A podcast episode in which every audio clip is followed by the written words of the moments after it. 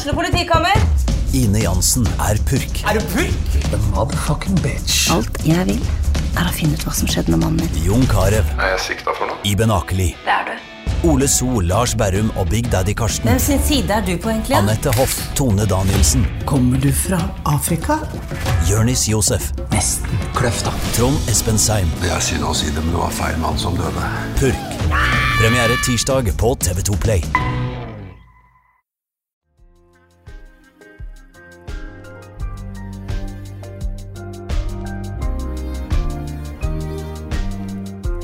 Du hører på Den dama med Synne Muren Olsen og Cecilie Brendehaug Rysjedal.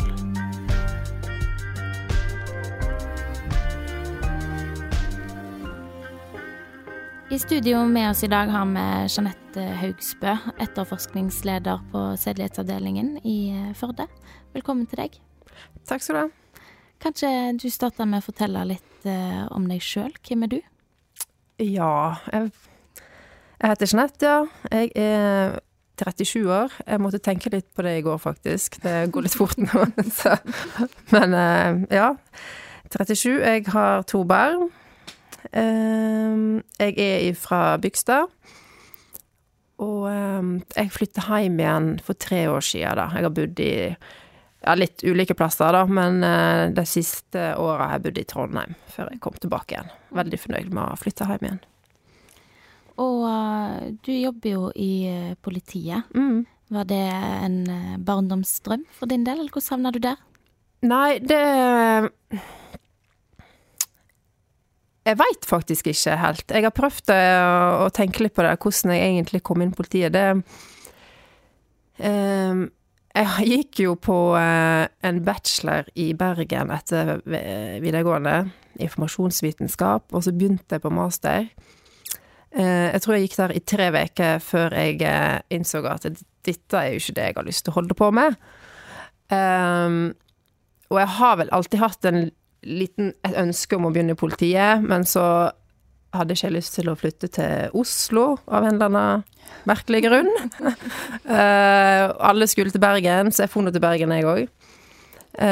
men da til slutt så uh, slutta jeg på den masteren. Eh, Det var jo midt, i, eller midt på høsten, da. Eh, så da måtte jeg vente nesten et år, da, før jeg eh, begynte på Politihøgskolen. Men da gikk jeg all in, og du må jo trene deg litt opp til de fysiske kravene. Det var litt vanskeligere da, det er blitt litt enklere nå, faktisk. Men det gikk bra, og så kom jeg heldigvis inn på første forsøk, da. Så det var, og ha ikke angra noe. Og det gikk veldig fint å bo i Oslo. Det var en fin tid. Men er det en bachelor eh, som gjelder på Politihøgskolen òg? Eh, nei, den eh, Men jeg har jo eh, Jeg vet ikke om jeg skal si at jeg har fått nytte av den, men eh, studiepoenger har jo gitt meg litt fordeler, da. Det har jo det. Og så litt av den kunnskapen som jeg har derfra. Eh, selvfølgelig. Du lærer jo bare av det å studere. Så eh, jeg eh, var jo litt eldre, faktisk, selv om jeg ikke var så gammel når jeg begynte på Politihøgskolen, men veldig mange er jo veldig unge nå. Går rett ifra videregående eller etter militæret. Så um, jeg eh, valgte å tenke at jeg hadde litt mer erfaring, siden jeg eh, hadde gjort litt annet først, da. Mm. Og eh, når du begynte å jobbe som politi, var det da noe spesielt felt du så for deg at du kom til å jobbe med? Hva var tankene om videre karriere i politiet? Ja, nei Det en, de fleste tror jeg tenker på med politiet, er jo det operative. At en skal kjøre politibil, en skal eh, jobbe vakter. Um, det er på en måte veldig ofte det folk tenker på eh, med det å være politi, men jeg innså jo fort når jeg begynte på Politihøgskolen og var eh, student, jeg var student her i Førde da, det er jo du hele andre klasse, så er du student. Eh, Men da innså jeg at det er jo veldig mange muligheter innad i politiet. Altså egentlig uansett hva interesse du har, så kan du finne en jobb i politiet som kan passe deg, fordi vi etterforsker jo alt.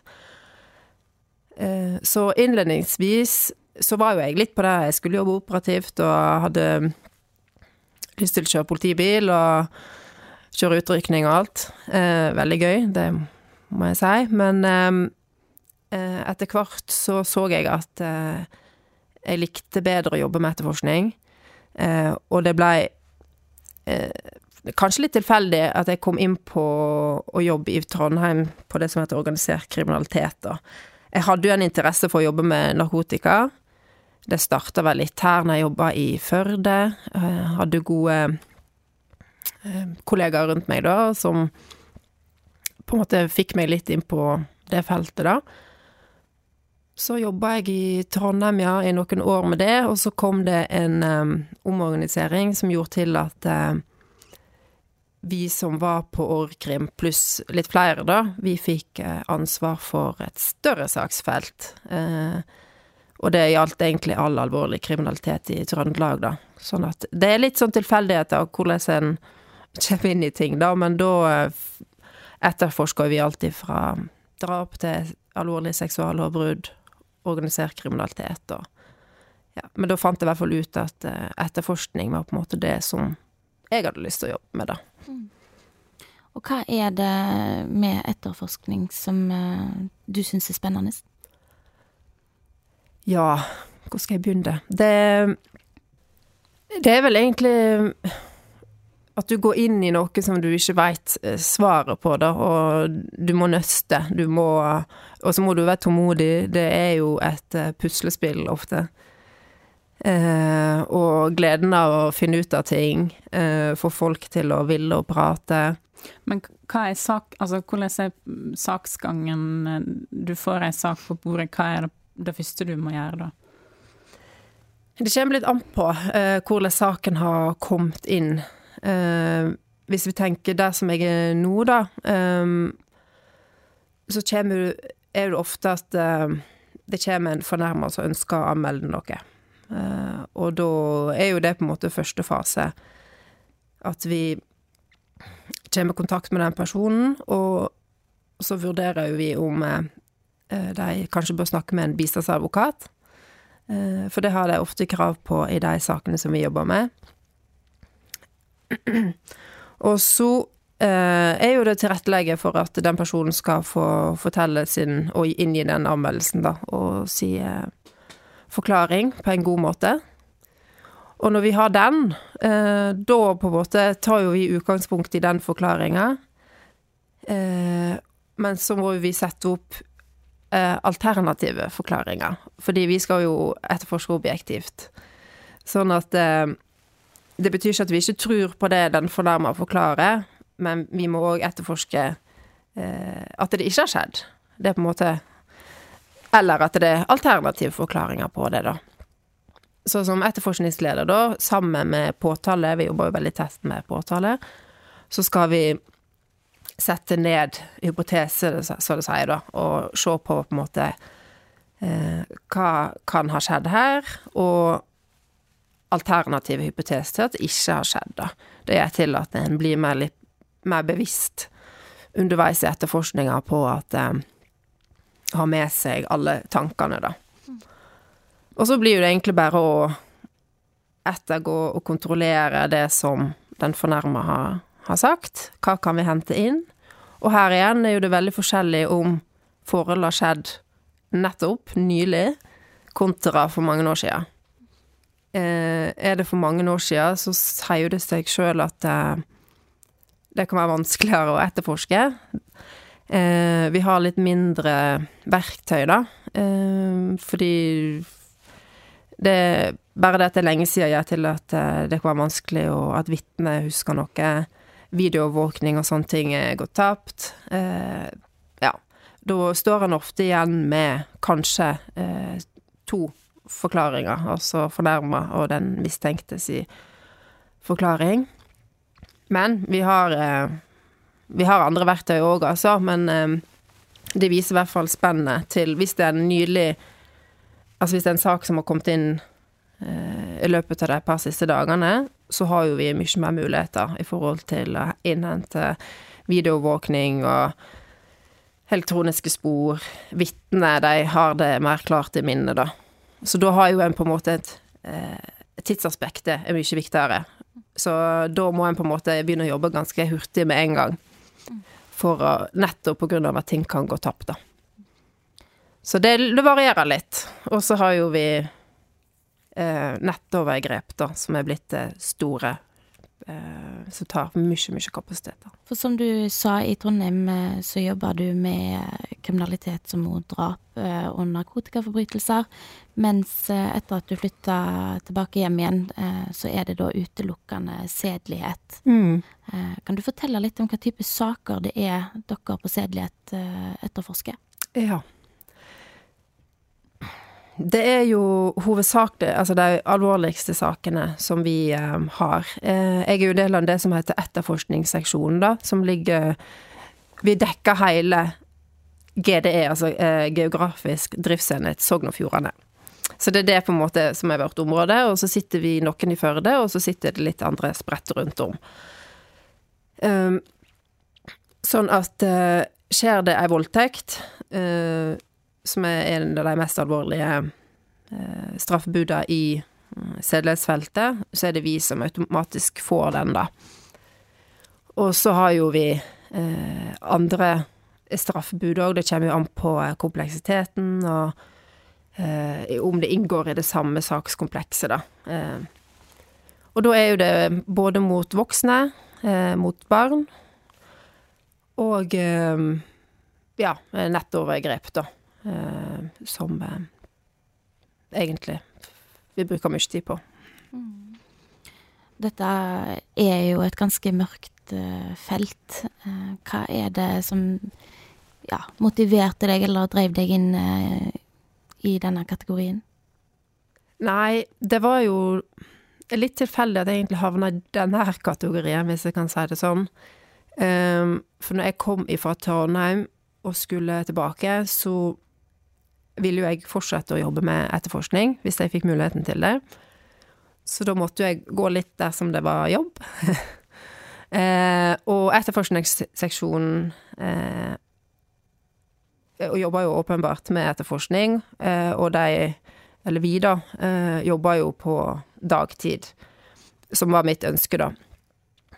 Så det var Og der, siden det etterforskningsseksjonen jobber med sedelighet, så ble det på en måte naturlig at det var det jeg jobba med. Så jeg var jo litt spent når jeg skulle kun jobbe med det. Eh, og det sa jo jeg òg til sjefen før jeg for ned, at jeg har vært borti det, men jeg har ikke kun jobba med det. Og skulle jeg i tillegg bli etterforskningsleder. Men eh, det gikk Det har gått ganske bra. Hvordan er det for deg når du sitter og skal etterforske og virkelig gå i dypt nå på disse sakene? Nei, altså, en går jo inn i ei rolle, da. Um, og det gjelder jo egentlig alt som jeg har gjort i, i politiet. Uh, det er jo I starten så kunne jeg kanskje bli mer prega over ting som jeg både hørte og så. Uh, misforstå meg rett, jeg blir jo det fortsatt, men jeg takler det på en annen måte. Uh, for gjennom erfaring så gjenkjenner jo du, og du veit jo litt hva som kommer, og hva som krever av en, da. Og så er det det med Har du mer erfaring, så er du mentalt forberedt på hva som kan komme. Eh, men samtidig så er det situasjoner der jeg eh, ikke er mentalt forberedt. Eh, der jeg kan bli tatt litt på senga, hvis du skal gå gjennom et databeslag, og så ja, du, du er kanskje ikke helt Altså, når jeg går gjennom et databeslag, og så uh, er det mye dagligdags ting, for det er mye på en data eller på en mobil, og så plutselig dukker det opp noe som uh, du ikke er helt forberedt på. Altså, det er jo på en måte ofte det du leter etter, men ikke akkurat der og da. Og da kan jeg kjenne det og få en, en reaksjon, da. Eh, men det òg har jo jeg blitt vant til, og da vet jeg at eh, da tar jeg meg en pause. Eh, jeg kan bli både sint, jeg kan bli frustrert, men da har jeg gode kollegaer rundt meg som vet akkurat hvordan det der er. Få litt utløp der, og så puste litt, og så gå inn i rolla, da. Og da er jo jeg mentalt forberedt på hva som er der, og da er det helt noe annet. Men er dere ikke flinke til å debrife? Ja, det vil jeg si. Vi har ikke en sånn at vi kaller det Nå skal vi ha en debrief, men eh, vi snakker jo eh, om saker hele tida. Uh, så det blir jo som en slags debrief i det, da. Uh, og det er veldig lav terskel for å ta opp noe hvis det er noen syns er ubehagelig eller, eh, eller vanskelig, da. Eh, og det Vi jobber jo sammen Eh, eller i hvert fall mye sammen med, om sakene, da. Så da blir jo det til at en diskuterer, og bare det gjør til at en får på en måte ut litt av det grumset som en kanskje føler på, da. Men hvordan uh, var det, for du sier at etter uh, Altså med erfaring så er det enklere å ta på seg den rollen. Mm. Uh, men når du starta å etterforske sedelighetskriminalitet, hvordan var det da å skulle for første gang se dette kanskje overgrepsmateriale, eller intervjue de som har blitt utsatt for virkelig alvorlig seksuell vold? Nei, det Jeg kan vel ikke noen gang si at en er forberedt på det. Det eh, I starten så sleit jeg litt med det med å gjennomgå overgrepsmateriale. Eh, men det var jeg åpen om, og det begynte jo i Trondheim da. Jeg var med, med Ikke medlem. Jeg var med i eh, noe som heter Ope Duck, som var forgjengeren til Ope Dark Room, som dere sikkert har hørt om. Eh, som var en ganske stor og kompleks sak. Um, og da uh, fikk jeg reaksjoner på det som jeg så. Uh, men da fikk jo vi tilbud om psykolog uh, og oppfølging, da. fordi det var såpass Omfanget var såpass stort, da. Eh, og det som var at i den perioden så var jo jeg òg gravid, og med de hormoner som er, sånn at jeg tror det gjorde det litt ekstra. Jeg hadde ikke fått min første eh, unge ennå, det var hun jeg var gravid med, men eh, da jeg gikk ut i permisjon da, så Da fikk jo jeg flashbacks av ting som jeg hadde sett eh, på materialet, da. Og det var absolutt ikke behagelig. Eh, for da begynner du å lure på hvorfor har jeg disse bildene her i hodet mitt. Mm. Um, men jeg har jo uh, eh, snakka med flere etterpå, og hatt, uh, tatt utdanning som har veldig fokus på det her, da, og det er jo veldig, veldig vanlig å få akkurat det her. Uh, og for så vidt så hadde jo psykologen som vi hadde gjennom den perioden, sagt det òg, men du skjønner det liksom ikke helt før, før det skjer, da. Så uh, men jeg tror nok òg hormoner i den prosessen Nå jobber med det òg, hjalp vel kanskje ikke helt, da. Mm. Men hvordan eh, tror du at det du eh, ser i jobben din, har det farga deg som mor på noen måte? Ja. Um, det gjør jo det. Um, er jo, jeg er jo sikkert mer bevisst Altså, alle vet jo at det skjer, men det er kanskje noen slipper å tenke på, jeg Altså eh, Veldig mange Når jeg begynner å snakke om jobben min, eller uh, de hører eller leser artikler om overgrep, så er det Det, det vil ikke de lese, eller da lukker vi øynene. Nei, nei, ikke Um, Men det har jo ikke jeg muligheten til, og jeg har ikke lyst til å gjøre det heller, fordi jeg har lyst til å hjelpe de som blir utsatt for det her. Eh, men sånn med tanke på roller som mor, så er jo jeg mer bevisst da på farene som er der ute. Eh, så jeg har jo tenkt mye på det opp igjennom. Vi men prøver at jeg ikke skal overta, at jeg skal bli paranoid, da. Det hjelper jo ingen. Men at jeg snakker med barna mine, som alle bør gjøre om hva som er greit og ikke greit, og ikke snakker med dem kun om det én gang og tenker at nå er praten tatt. Eh, men at en repeterer det. For barna vokser jo, og jeg må ta det kanskje mer og mer detaljert, og i forhold til forståelsen til barna, da. Og så ikke minst det med nettet. Det tror jeg det jeg tenker mest på.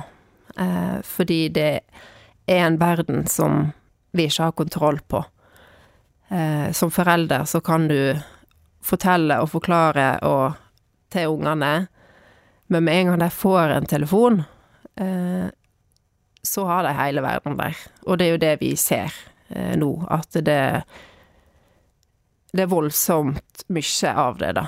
Og det, det kan være barn som har fått praten hjemme om at vi ikke skal snakke med fremmede og sånn. Men barn er barn, og de er ikke modne nok til å forstå at de blir lurt. Så eh, vi har et ansvar der. Eh, men jeg, eh, jeg har ikke noe fasit på hvordan en skal gjøre det heller, fordi det er jo akkurat det jeg gruer meg til sjøl som mor, når mine skal få telefon. Jeg har jo lyst til å utsette det så lenge som mulig. Sjøl om jeg veit om alle disse her farene, da. Jeg veit sikkert ikke om alle heller, men det er jo at jeg er jo ikke forskåna for at det skal skje noe med mine barn heller.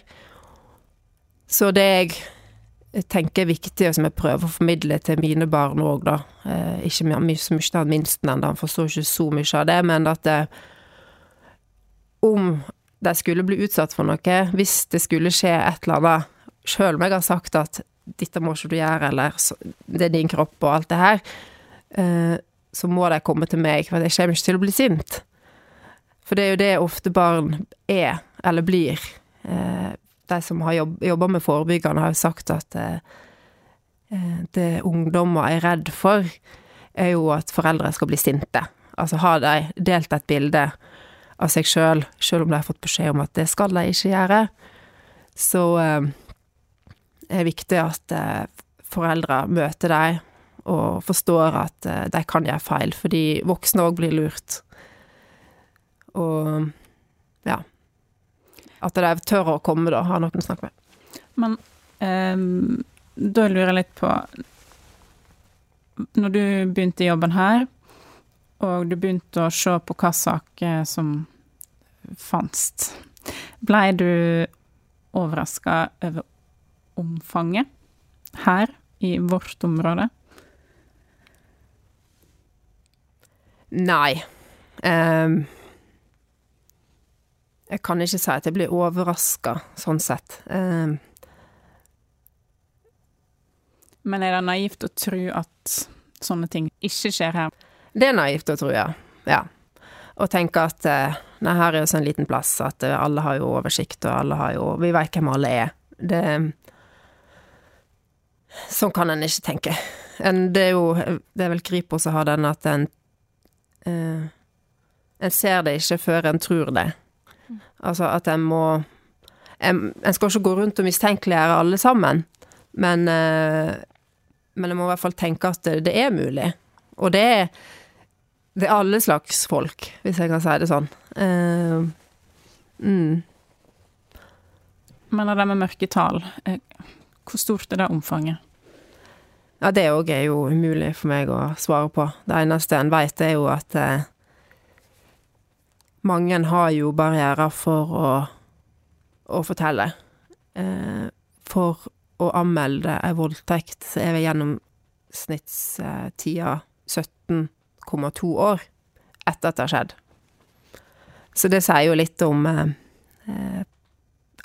hvor vanskelig det er for folk å faktisk komme og fortelle om det her, da.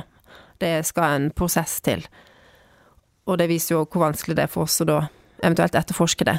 Eh, så det er jo viktig at folk eh, kommer, da. Eh, og så er det veldig mange som velger å, å ikke anmelde det. At belastninga blir for stor, da. Og det er jo synd. Hvordan skjer anmeldelser når det er barn involvert? Hvem er det som anmelder? Ja, det òg varierer jo. Eh, ofte er jo det bekymringsmelding fra det kan være fra barnehage eller ja, fastlege eller, eller andre, eller foreldre sjøl. Så det Ja, det varierer hvordan det egentlig kommer inn, da. Mm. Og hvordan eh, er det å skulle intervjue Eller ikke, da. Hvordan er det å skulle avhøre et barn eh, som potensielt kan ha blitt utsatt eh, for overgrep? Ja, nå tar ikke jeg avhør av barn sjøl, det er jo Men det er noen på seksjonen som gjør det, da, for det er jo en egen utdanning i å ta avhør av barn. Eh, men jeg er jo med bort dit, hvis det er mine saker, da. Det er jo bort på barnehuset. Eh, der som eh, Ja, det er jo på barnehuset at eh, det blir tatt avhør av barn. Eh, så der er min rolle der er jo som etterforskningsleder, og så er det påtale som leder disse møtene, da. Eller ikke møte, men eh, de avhøra. Og det blir jo tatt på barnehuset for at eh, barnet skal bli fulgt godt opp, da, på en god måte. Og så er det med en representant fra barnehuset som skal følge opp barnet, da. Og kanskje òg en bistandsadvokat. Og det kan være flere. Vi sitter jo på et sånt bisitterrom, da. Eh, Men det å få å vite at eh, det er en mistanke om at det kan ha skjedd noe, eh, da er vi på en måte forberedt på at her kan det komme noe. Eh, Og jeg er jo med i prosessen som etterforskningsleder, og hva er på en måte formålet med det avhøret her? Eh, For hva utgangspunkt har vi, da? Og så har vi med oss at eh, alle hypotesene der òg, da. Det kan ha skjedd, det trenger ikke ha skjedd, og ulike Og så er jo det det å tenke på å hjelpe avhøret underveis, at eh, at en eh, stiller de spørsmåla som eh, som trengs, da. Hvis barnet ønsker å for- for- forklare. Fordi det er jo ikke alltid at de eh, vil det. At det er skummelt, eller Noen ganger kommer de inn i avhørsrommet. Eh, men da kan det hende at vi tar et nytt forsøk seinere, da. Eh, men når de først da Altså, hvis det ikke har skjedd noe, så er jo det det beste. Altså, eh, hvis vi er trygge på det.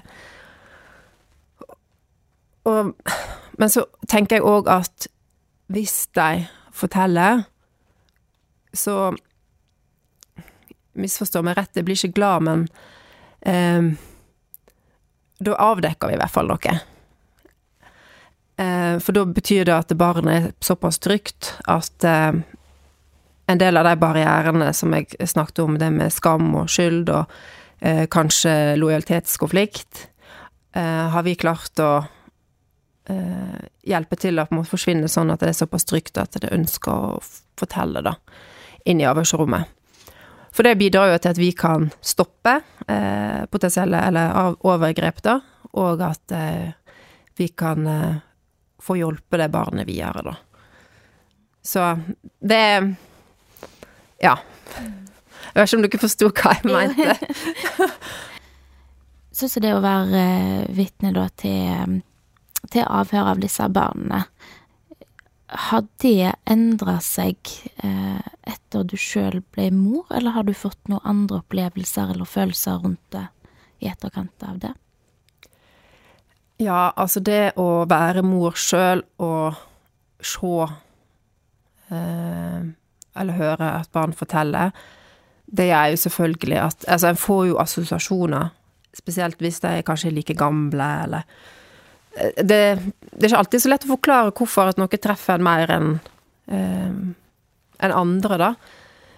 Eh, men ja, helt klart eh, at en blir påvirka, at, eh, at en er mor. Men jeg tenker jo òg at det er en, en styrke eh, at jeg veit eh, hvordan et barn fungerer. Altså eh, Alle barn er jo ulike, så klart, men eh, i forhold til aldersutvikling og sånne ting, og hva unger kan si, og hva de kan forstå. Eh, Det gjør jo Jeg hadde ikke like god forståelse for det før jeg ble mamma. Eh, Så eh, jeg tenker jo at den si, erfaringer med å ha to barn sjøl, det, det er bare bra, da.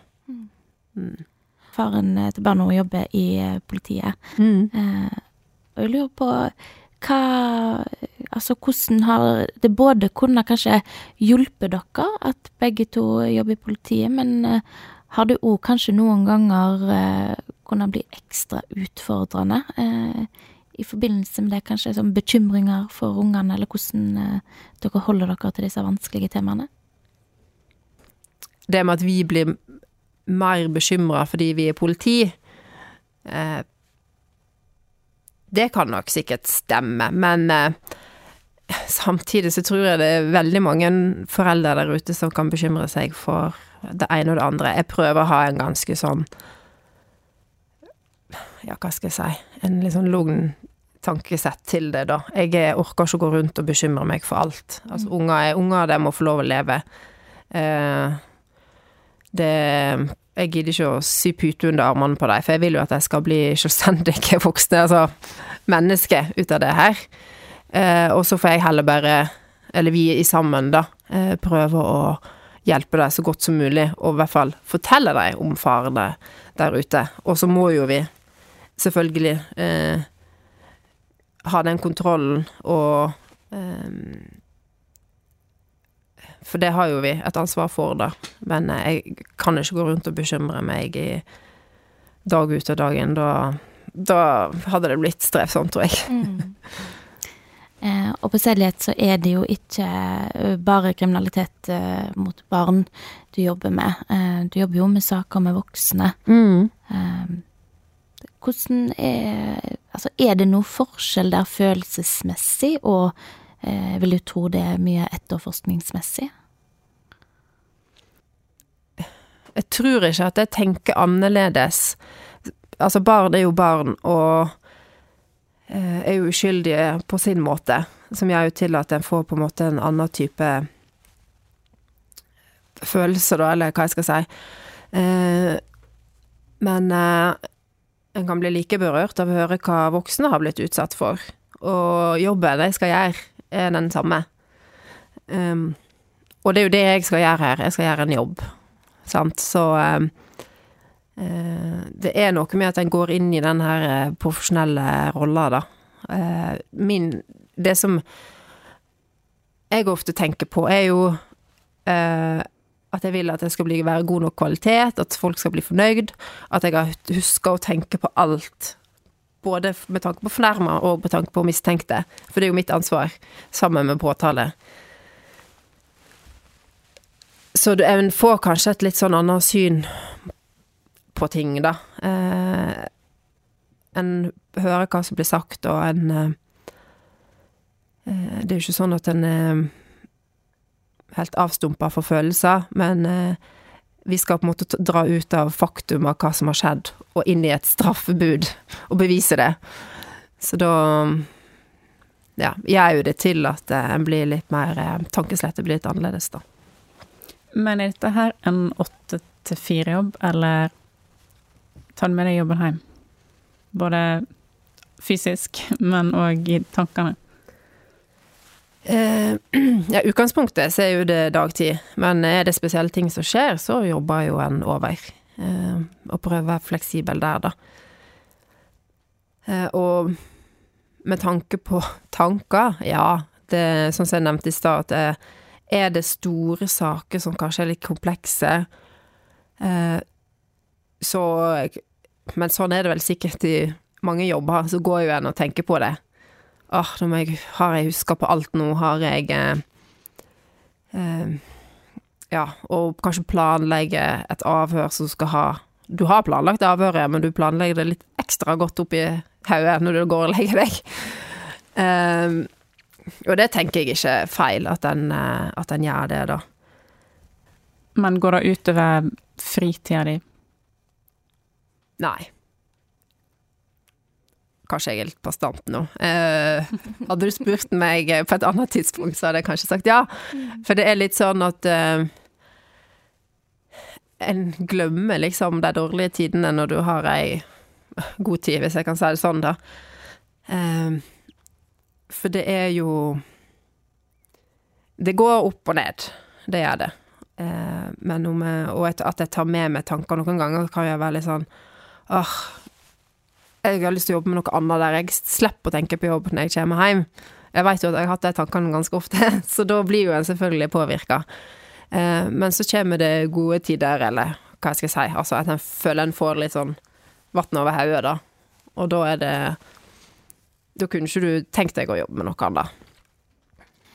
Eh, men hvordan er det da etter du flytta hjem igjen eh, til Sunnfjord? Eh, har du opplevd og kommet eh, borti sedelighetssaker hvor du innser at du kjenner enten eh, mistenkt eller eh, fornærma i saka? Det er en liten plass, men det betyr ikke at jeg kjenner dem. Kan godt hende at jeg bare har sett dem, veit hvem de er, møtt dem på butikken. Altså Men en gjør jo en vurdering hvis jeg syns at dette her blir for nært, eller det kan bli ubehagelig for deg. Uh, det kan jo òg være en helt ubetydelig relasjon nesten i saken, men vi vil ikke at de skal føle det ubehagelig at de skal snakke om dette med meg. Mm. Da tar vi noen andre som tar den jobben. Uh, og så er jo vi, skulle jeg si, heldige sånn sett at vi er hele Sogn og Fjordane. Så hvis at det skulle skje, da så er det bare til noen at vi bytter på hvem som tar sakene. Som jeg snakka om uh, litt før vi kom inn her, så må en jo som politi forholde seg til hypoteser ja, som har ulike utfall. og din jobb er jo å innhente informasjon, og så er det opp til dommer og, og retten eh, hvordan eh, personer skal eventuelt dømmes. Hvordan er det å komme inn i et rom og skulle avhøre og forholde seg til en mistenkt? Ja, nei eh, Altså, jeg behandler de mistenkte på lik linje som alle andre. Det er jo Respekt er jo noe som står høyt hos politiet, da. Eh, og eh, det som er annerledes, er jo at eh, for en fornærma, de kommer jo Ønsker jo ofte å forklare seg, eh, og vi jobber litt med å få dem til å bli trygge på å ville forklare seg til politiet. For det kan jo være vanskelige ting å snakke om. Eh, når det kommer til mistenkt sikta, så er jo ikke de pliktige til å forklare seg for politiet. Så vi det er litt mer opp til deg sjøl, da. Men vi skal skape et trygt miljø for eh, der de skal kunne forklare seg, hvis de ønsker det, da. Så eh, Målet mitt òg når jeg går inn i mistenkt avhør, er jo at de skal sitte igjen med en god følelse, i den grad det går an, da, eh, for dem. Eh, de har jo noen beskyldninger mot seg, så selvfølgelig er jeg til at det Eh, det kan være vanskelig, men at det ikke Jeg har ikke påført deg noe mer i forhold til måten jeg har møtt deg på og snakka med deg på, da. Mm. I enkelte tilfeller så vil du jo eh, i forkant ha informasjon eh, om vedkommende, f.eks. Eh, gått gjennom overgrepsmateriale som personen eh, sitter i besittelse av. Hvordan håndterer du det på en måte som gjør at du ikke lar deg eh, farge av den informasjonen når du tar et avhør? Ja. Eh, en er jo på en måte gjennom en prosess, altså når en finner det her og en etterforsker en sak, så uh, fordøyer en det, hvis jeg kan si det, litt sånn jevnt hele veien. Uh, så når du skal gå inn i et avhør, så er det ikke på en måte ny informasjon for deg. Du skal bare inn og gjøre en jobb, uh, og du skal være profesjonell. Du skal møte den du skal avhøre med respekt. Og du ønsker jo egentlig bare å få et svar, hvis det er det du er ute etter. Altså eh, Å gjøre Få stilt de spørsmåla som du ønsker. Eh, om en blir påvirka av det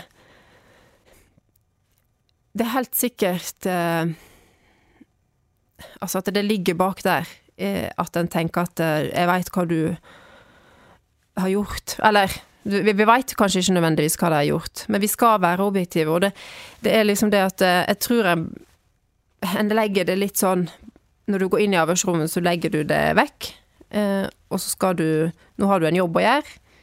Eh, og så kanskje etterpå, hvis det har kommet fram informasjon der, da, så kan det hende at en eh, ja, jeg har ikke opplevd det sjøl at jeg på en måte har fått en reaksjon etter avhør sånn sett, da.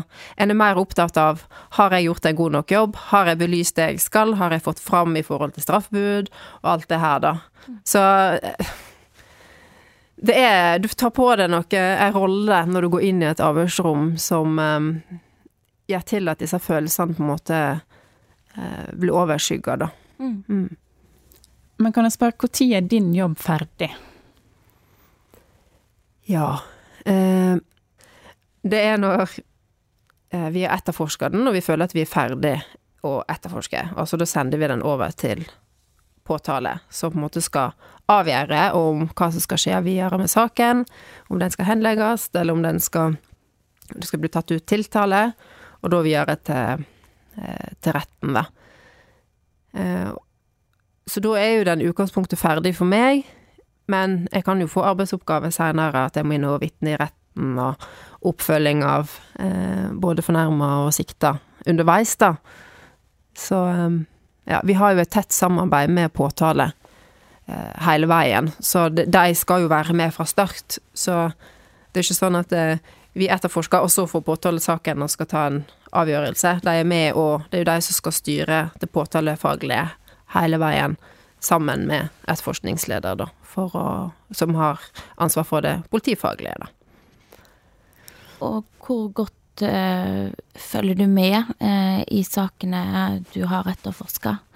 Når, uh, når, jobben din er gjort, legger du det da fra deg, eller holder du deg oppdatert på utfallene? Nei, jeg holder meg oppdatert, ja. Og det blir jo Det er jo veldig viktig for oss å gjøre det, fordi en dom fra retten, det er jo på en måte eksamen vår, og der kan jo du få lese det til om de syns at vi har gjort en god jobb eller ikke, og hva de eventuelt legger vekt på som mindre bra eller bra. Eh, for hva må vi tenke på til neste gang, da. Eh, rett og slett som læring, da.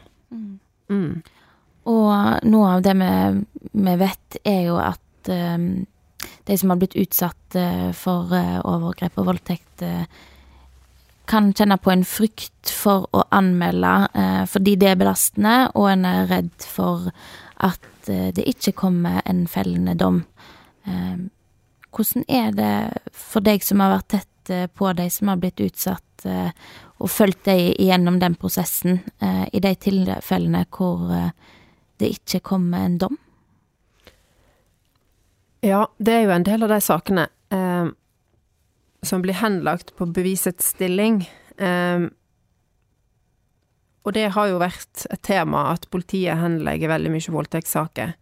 Jeg vil bare si det først, fordi eh, alle voldtektssaker er prioriterte saker eh, i politiet, eh, og vi etterforsker dem grundig. Men det er nå engang sånn at ofte så er det bare to personer som har vært der og det blir ord mot ord. Uh, og rett og slett beviser holder ikke, da. Og det betyr jo ikke at en nødvendigvis ikke tror på det fornærma forklarer, men um, for at noen skal bli dømt, så er det ganske strenge beviskrav. Og det er jo viktig for rettssikkerheten i Norge at ikke noen blir dømt fordi at stakkars Eller ja, at fornærma skal få eh, bli trudd, da. Eh, det må være utover enhver rimelig tvil at han faktisk eh, Eller hun, eh, altså mistenkt sikta, eh, er, er, skyldig, da. Og det som er I de sakene der som blir henlagt, eh, så har jo vi et tett samarbeid med bistandsadvokater. Sånn at det er ofte de som tar den her praten med deg og forklarer, for de kjenner jo prosessen, og de får jo saksinnsyn, og så kan de gå gjennom dokumenter med klienten sin, da. Og det er jo òg en viktig ting for oss at vi har et nært samarbeid med både bistandsadvokat og forsvarer i sakene, da. Eh, nettopp på grunn av det, av det her, da. Og så trenger òg da gjerningspersonen gjerningsperson eller få òg ei forklaring på Eh, hvorfor er henlagt på f.eks. på bevisestilling og ikke intet straffbart forhold bevist. For det er òg like vanskelig å bevise som at motsatt vei, da. Mm. Nesten. Ja. Eh, og så lurer jeg jo litt på, når en jobber med tematikk som er så tung og vanskelig, eh, så skal du jo faktisk likevel ha en god jobb hver dag oppi mm. det. Hvordan klarer du eh, og kollegaene dine å skape en god og positiv jobbhverdag oppi alt dette? Nei, vi har det veldig gøy på jobb òg. Eh, galgenhumor er jo et begrep som dere sikkert kjenner til. Eh, det høres jo kanskje litt rart ut at det går an å tulle med det her, men en er faktisk nødt til det for å eh, ja, ha det moro. Og så snakker vi selvfølgelig om mye annet òg. At en rett og slett eh, eh, tar en pause og får snakke om noe annet enn det vi jobber med. Du lærer jo sikkert mye om deg sjøl, da. De menneskemøtene du har i løpet av en dag. Ja, det jeg helt sikkert. Jeg har ikke reflektert ja, så mye over det. ja, eller sånn generelt i jobben din at du møter jo, som du sier, folk Alle slags mulige folk. Mm. Um, jeg tenker at i hvert fall vil det naturlig være at den at den endrer seg eh, på eh, erfaringer og, og eh, at en plukker med seg um, ting som du lærer av hele veien, da. Mm. Uh, at nå møtte jeg den personen sånn, men neste gang så kommer ikke jeg til å gjøre dette, for eksempel. Mm. Ja, det å skape en god relasjon eh, er jo viktig. Det er jo, gjelder jo i de fleste sammenhenger, egentlig. Men eh, eh, bare det at en er litt tryggere, altså som student og nyutdanna, så er en kanskje litt mer usikker i den første kontakten. Eh, og det Jo mer erfaring du har, jo tryggere blir jo du i den, da. Eh, men samtidig så ja, at det blir tryggere. Eh, og det som er viktig for meg, er jo at eh, at de som vi møter eh, At det er ikke jeg som har vært grunnen til at dette ble en forferdelig dag. At jeg har gjort kanskje den forferdelige dagen eh, OK, eller litt bedre, av å møte de blir, måten de blir møtt på, da. Eh, og noen tilfeller så får jo en tilbakemelding på at eh, Eh, at de syns at det ble møtt på en fin måte. Og det gjør jo til at eh, dagen min òg blir bedre. Da veit jeg ok, da har jeg gjort noe rett her. Og så tar han det med seg videre, da, i arbeidet. Mm. Og det er jo det at det er jo en utrolig viktig jobb. Eh, hvordan føles det når alt går rett, og dere faktisk bidrar til at en person blir eh, fjerna som, som, en fare for noen andre? Jo, det Det er jo ofte en lang vei dit, da, og en blir selvfølgelig eh, fornøyd når vi ser at eh, retten er på en måte er enig i det som påtaler og, påtaler og det vi har funnet ut, eh, gjør. Eh, ja, det at retten eh, vise at vi har egentlig gjort jobben, da, at vi har opplyst saken godt nok. Eh, det er jo en, eh, en trygghet. Eh, og det at vi har retten Vi vet at det, det, det, er ikke jeg som skal ta avgjørelsen om at han her er skyldig eller ikke. Det er det faktisk retten som skal gjøre. og det, det er jeg sjeleglad for, for å si det sånn. For det Mange saker er vanskelige. Og når da kommer en domfellelse i tillegg, så er jo det selvfølgelig bra, og eh, spesielt for fornærma sin del, da, og uh, at vi kan forhindre at det skjer igjen, da. Helt klart. Og hvordan er det vi snakka litt eh, innledningsvis om uh, hvordan dette har påvirka deg som mor. men jeg er jo litt nysgjerrig for din egen del. har, ja, har jobben din gjort noe med hvordan du ser verden, eller hvordan du ja, forholder deg til andre?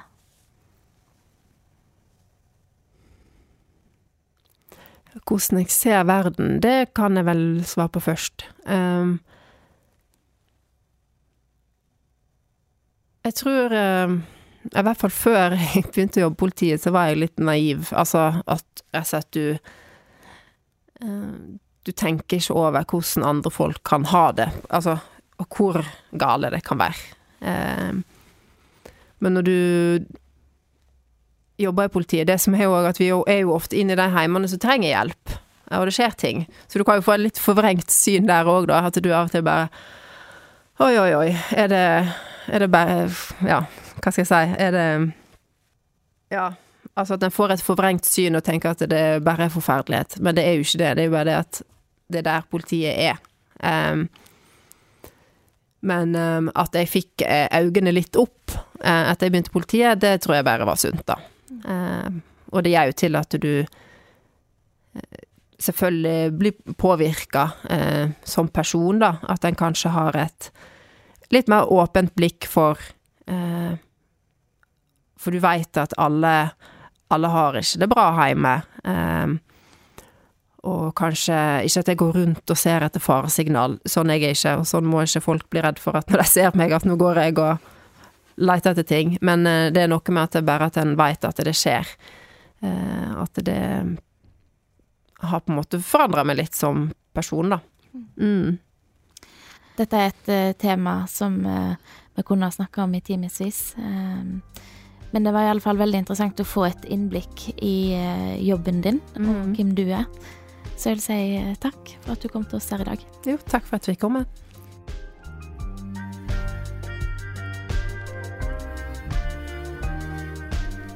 Du har nettopp hørt Den dama. Ny episode kommer neste fredag. Ha det bra så lenge.